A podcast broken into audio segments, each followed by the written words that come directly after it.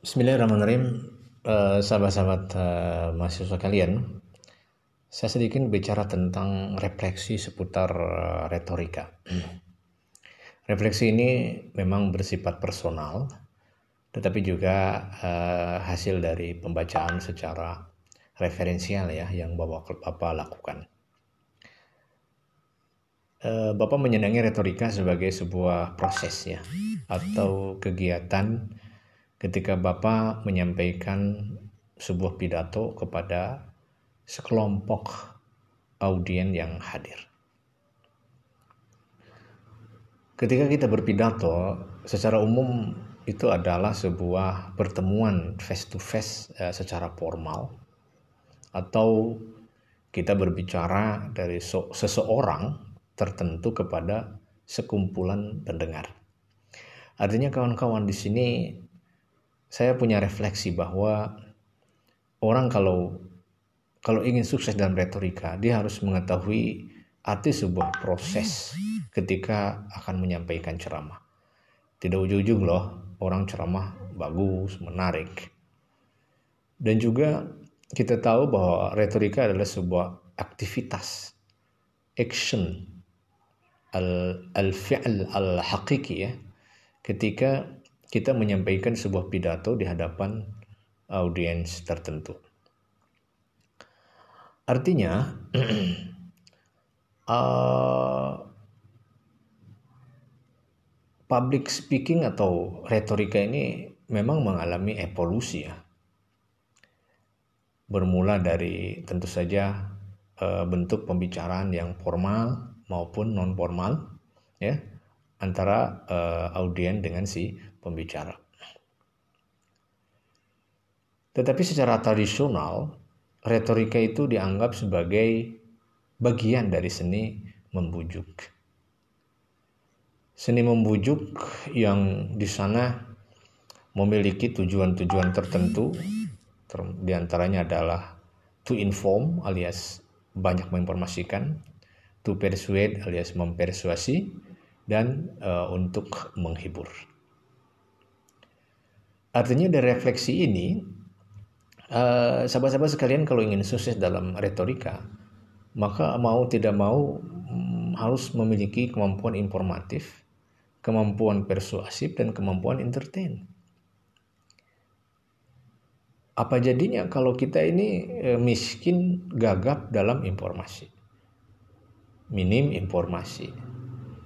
Sangat dangkal sekali wawasan kita, wawasan informasi apalagi kita juga gagap ketika untuk mengajak orang menginfluence orang me, ini apa mengajak orang sesuai apa yang kita pikirkan.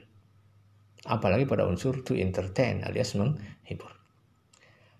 Pengalaman menunjukkan bahwa semakin dalam rasa apa ya seni menghibur kita seni persuasif kita seni menginformasikan uh, cara menginformasikan cara kita menginformasikan itu adalah elemen-elemen penting ketika proses uh, ceramah itu dibuat. Kalian gagap dalam tiga hal, maka akan gagalah menjadi penceramah. Audiens memang punya harapan, audiens punya keinginan, audiens punya uh, tujuan datang. Tentu ingin dapat informasi, tentu ingin dapat ajakan yang benar-benar uh, persuasif dan tentu ingin terhibur. Nah, yang terakhir inilah yang membuat kita berpikir keras bagaimana uh, mengalokasikan waktu yang tepat agar kita bisa menghibur dengan tepat. Menghibur dalam arti apa?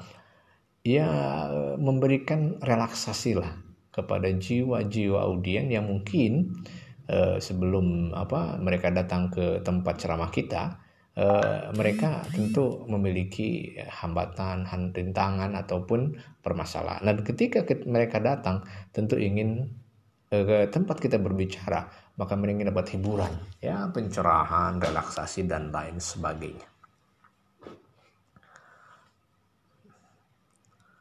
Tentu saja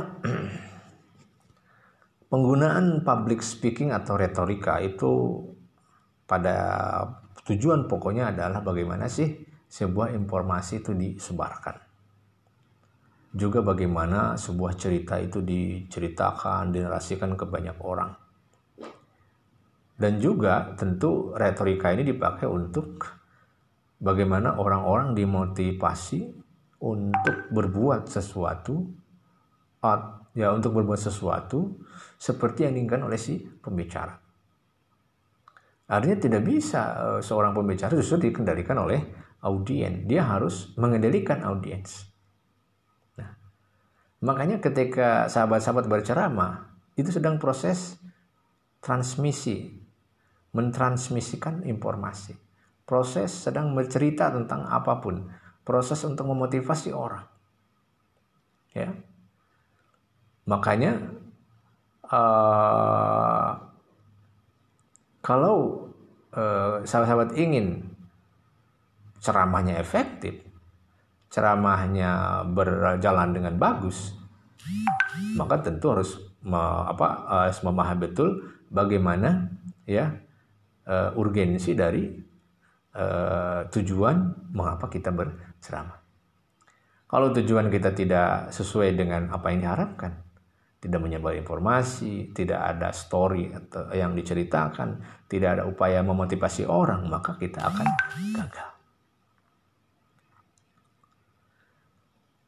Dalam dunia bisnis ataupun dunia komersial, tentu public speaking ini atau pidato atau retorika itu dilaksanakan oleh tenaga-tenaga yang profesional. Sementara dalam uh, konteks umum publik biasa, tentu saja siapa pun bisa, nggak usah profesional. Pengalaman menunjukkan bahwa semakin intens kita ber apa namanya mempraktekkan retorika dengan tujuan-tujuan dasar yang sudah kita lakukan, maka kita akan memiliki kemampuan, akan memiliki uh, kelayakan untuk menjadi penceramah. Saya kira saya ulangi Pak jam terbang. Ya. Kita tahu bahwa uh, public speaking itu harus punya uh, apa daya efektif, uh, daya juang ya, daya bukan daya daya apa ya daya informatif, daya persuasif maupun daya motivasi. Nah semua ini hanya bisa hmm, apa ya hanya bisa terwujud kalau segala prasarana, segala syarat dan prasyarat, sarana dan prasarana, teknis maupun non teknis uh, itu bisa uh, terwujud. Contohnya, jangan lupa dalam ceramah dalam pidato ada nama adanya penggunaan gestur. Uh, apa gestur itu ya bantuan dari gerak tubuh, bantuan dari air muka, karena gestur ini penting untuk menjadi seni ketika berceramah. Ya. Belum lagi ketika berceramah, suara harus dikontrol. Jangan terlalu tinggi, jangan terlalu rendah.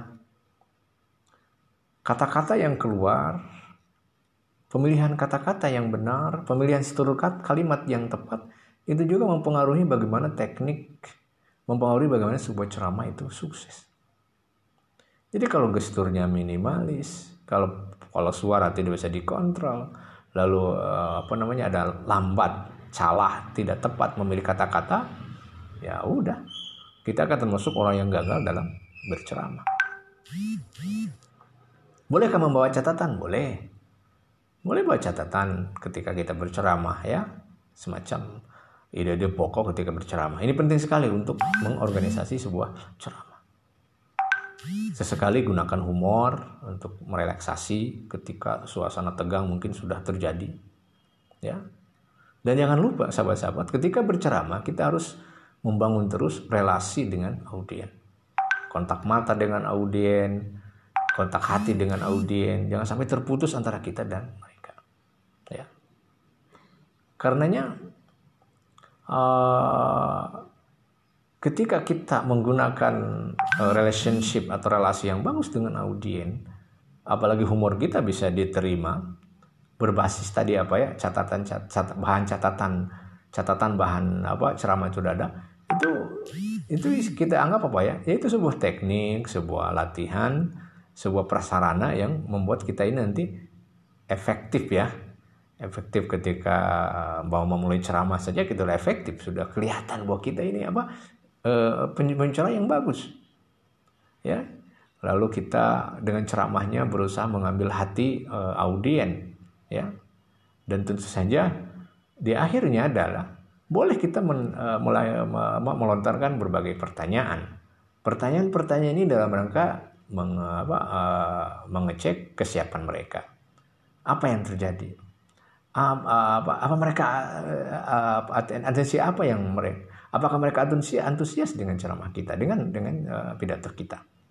Maka semua ini kawan-kawan gestur yang kita kelola kontrol suara kata-kata yang dipilih bahan-bahan ceramah humor yang dipakai relasi yang terus dijaga itu subhanallah itu uh, apa apa uh, belum lagi kita apa namanya sangat efektif ketika memulai bisa mengambil hati pandai menggunakan pertanyaan-pertanyaan retoris ataupun investigatif itu semuanya adalah teknik yang bisa membuat kita akan sukses dalam dunia ceramah. Enggak.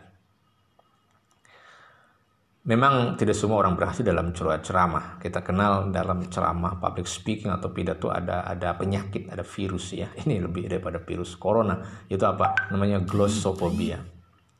Apa itu glossophobia? Glossophobia itu adalah sebuah ketakutan ya. Uh, untuk berbicara di depan umum. Ya. Rasa takut yang berlebih, rasa hebat yang berlebih apalagi bagi bagi para pemula ya mereka sangat keteteran nervous bingung ya oh, ketika berbicara di hadapan audiens mata ter sudah nggak fokus keringat dingin kata-kata tidak terukur dan lain sebagainya.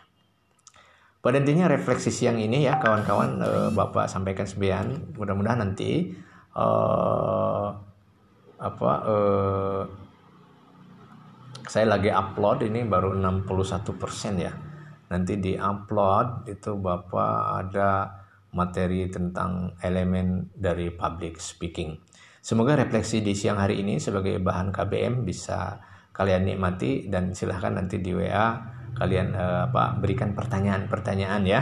Siapa yang bertanya siapa yang mengeksplorasi berarti dia adalah benar-benar hadir dalam keluhan kita. Mohon maaf ya ini upload di mana? Upload di channel Dr. Mas masih salah. Nanti sedang dialihkan ke channel lain ya insya Allah. Demikian assalamualaikum warahmatullahi wabarakatuh